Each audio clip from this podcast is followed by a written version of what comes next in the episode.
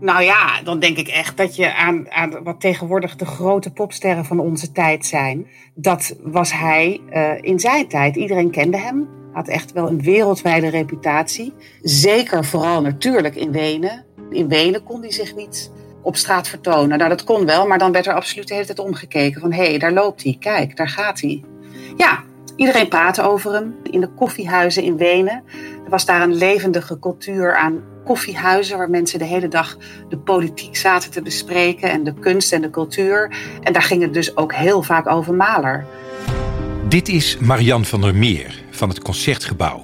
Zij is verantwoordelijk voor de programmering van concerten in de grote zaal. Dat is de plek waar werken van alle grote componisten uit de geschiedenis regelmatig voorbij komen. En met één van hen heeft niet alleen Marianne, maar ook het Concertgebouw een heel bijzondere band.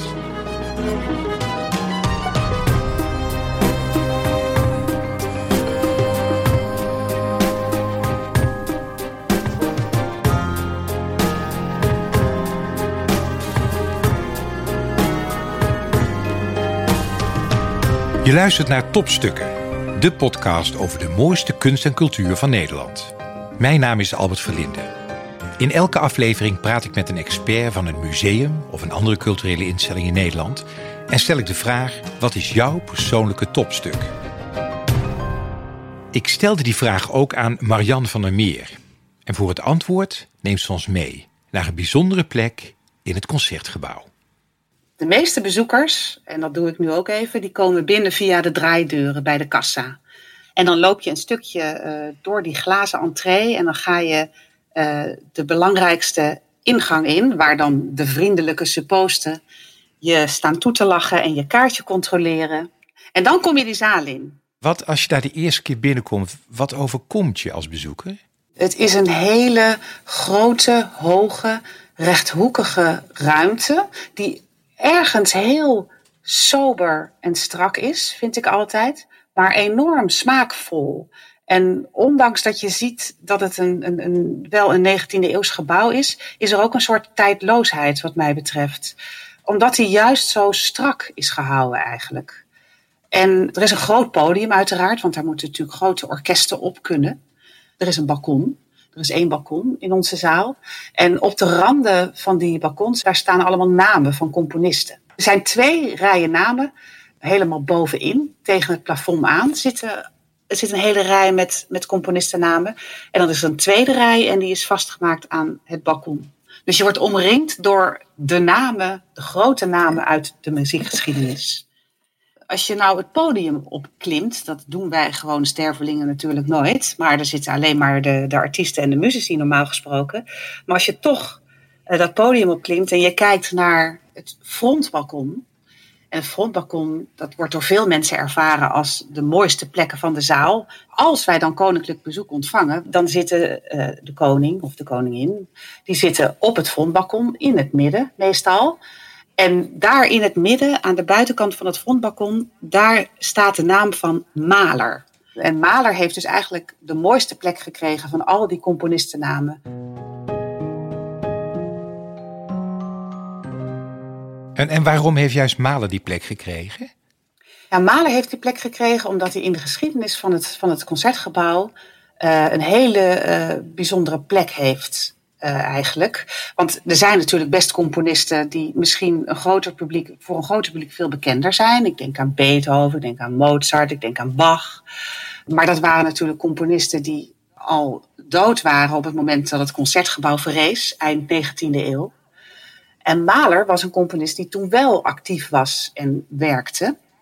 En hij is tijdens zijn leven een paar maal geweest in het concertgebouw. Hij was een heel beroemde dirigent.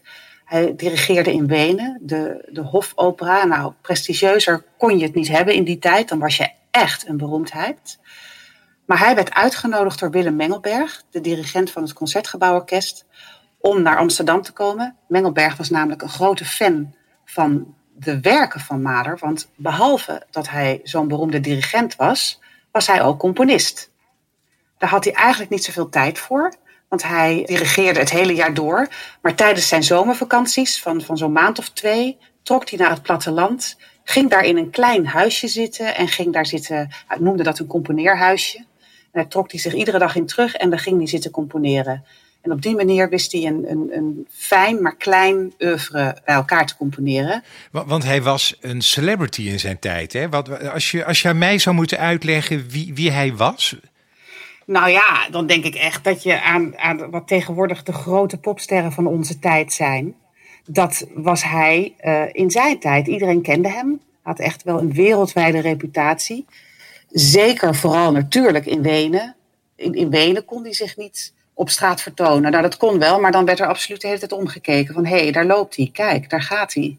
Ja, iedereen praatte over hem. In de koffiehuizen in Wenen. Er was daar een levendige cultuur aan koffiehuizen waar mensen de hele dag de politiek zaten te bespreken en de kunst en de cultuur. En daar ging het dus ook heel vaak over Maler. Wat, wat heeft Maler gedirigeerd deze week? Wat is er te vertellen over wat zijn de nieuwtjes over hem? Daar werd veel over gepraat echt een ster in zijn tijd, maar ook wat daarbij komt. Dat je, dat je rijk bent, dat je een mooi huis hebt, een mooie vrouw, ik bedoel, alles. Nou, mooie vrouw, daar noem je wat. Ja, hij had de mooiste vrouw van Wenen, werd gezegd.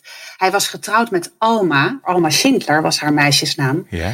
En zij trouwde op heel jonge leeftijd met Mahler, die twintig jaar ouder was dan, dan zij.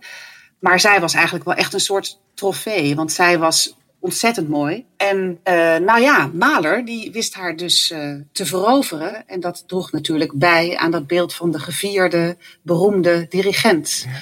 Dat maakte zijn reputatie alleen maar groter. Waarvan dus niet eens bekend was dat hij ook componeerde. Eigenlijk was dat dirigeren op dat moment het allerbelangrijkste. Klopt. Zelf vond hij dat overigens niet. Hij was bijzonder gepassioneerd over het componeren.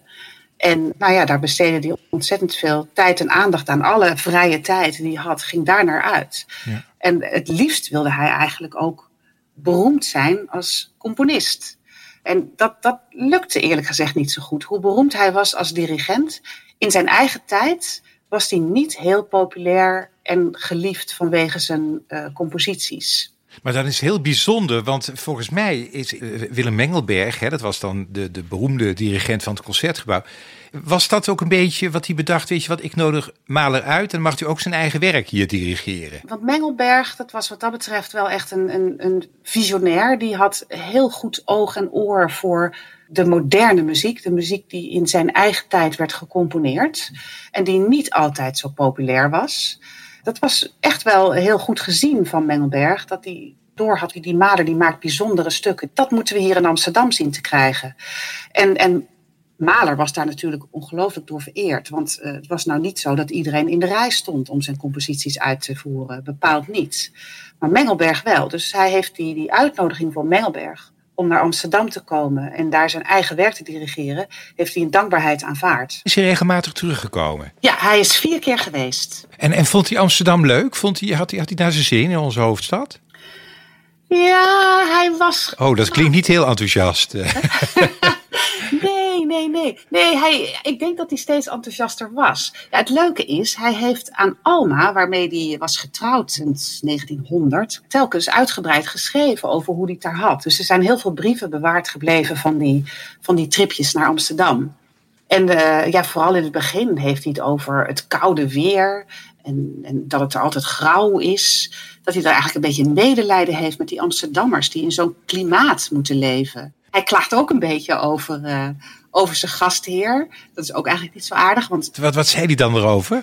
Hij, hij zegt dan over Bengelberg op een gegeven moment schrijft hij van nou, wat die Mengelberg hier allemaal aan de muur heeft hangen, het ziet er niet uit. Hij klaagt vooral over de schilderijen die, die Mengelberg aan de muur heeft hangen. Vindt hij blijkbaar niet getuige van goede smaak. Maar, maar wat, wat vond hij wel goed in Amsterdam dan? Nou ja, uiteindelijk valt hij natuurlijk volledig voor het geweldige orkest dat hij daar aantreft.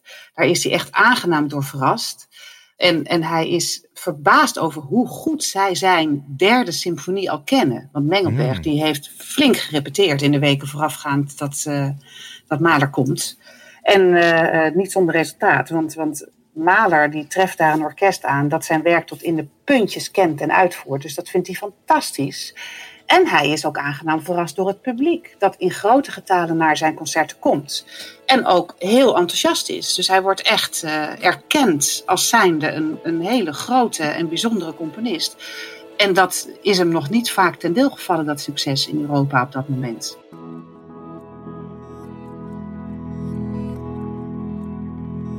Wanneer hoorde jij Malen voor het eerst? Weet je dat nog?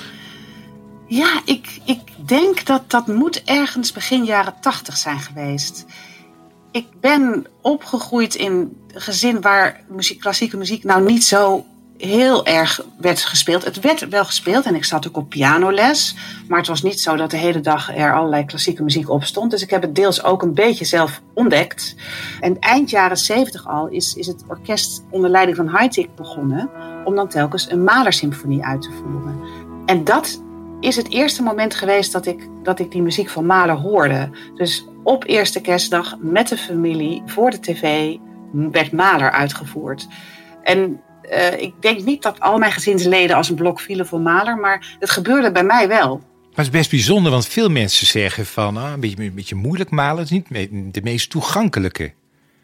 Nee, dat is waar. Maar het is, naarmate je het vaker hoort, ja, uh, krijgt het vat op je, vind ik. En ik denk ook, ik merk ook als ik mensen meeneem naar de uh, concertzaal en er wordt Maler uitgevoerd, merk ik vaak dat dat toch wel iets doet met mensen die ook niet zo vaak naar klassieke muziek luisteren. Want wat het mooie van Mahler is, er gebeurt zo ontzettend veel. Meestal is het voor een heel groot orkest geschreven. Dat is sowieso al spectaculair natuurlijk. Hij is een meesterorkestrator, dus je kan echt vallen voor al die effecten die hij uit zo'n orkest uh, weet te halen. En dat is wat Mahler ook voor de, voor de leek bijzonder maakt vaak, merk ik. En dat hij toch beklijft. Ik ga, ik ga hier nou meteen nog eens een keer naar Malen luisteren hoor. Ik ga het, ik ga het weer doen. Ja, nee, het, nee ja. ik ga het absoluut doen. Wat, wat betekent Malen voor het concertgebouw? Nou, ik denk dat je kan zeggen dat met de aanwezigheid van Mahler in Amsterdam en inderdaad later dat belangrijke rol voor dat oeuvre, dat um, Amsterdam daarmee echt zichzelf op de kaart zette als een van de belangrijke muzikale steden van Europa. De entourage van het concertgebouw, die plaquette die er is, Malen, die bijzondere band. Wat zou je nu dan willen laten horen, wat bij dit beeld past? Dan kies ik voor de vierde symfonie en dan het laatste deel. Die vierde symfonie, dat is echt een, een heel bijzonder werk binnen dat hele oeuvre van Mahler. Het is voor een iets kleiner orkest geschreven, maar daardoor niet minder effectief en, en imponerend. Het is een heel speels werk. Het is, is getiteld Das himmlische Leben. En het is op een tekst uit een gedichtenbundel uit de 19e eeuw. Dat heette Des Knaben Wunderhorn. En daar was Mahler gek op. En een van die gedichten heeft hij gebruikt voor het laatste deel van zijn vierde symfonie. Dat gedicht dat beschrijft het hiernamaals op een hele pure kinderlijke manier. Het gaat over dat er een overvloed is aan eten, dat iedereen daar de hele dag kan spelen, er is muziek, alles is daar mooi. Dus je waant je echt in een paradijs. En ik vind dat Mahler dat heel mooi heeft uh, getoonzet in die vierde symfonie. We gaan er naar luisteren.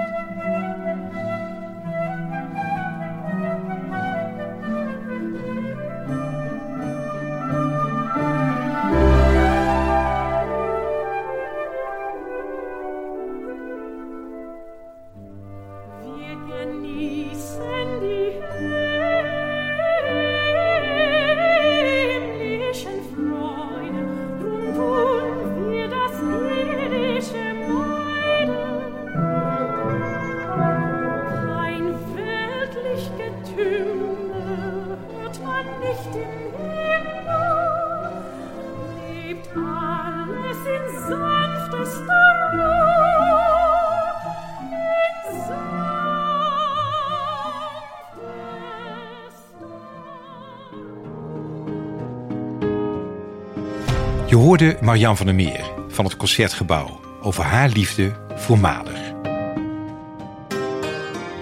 Dit was Topstukken, aangeboden door de Bank Giro Loterij, de cultuurloterij van Nederland.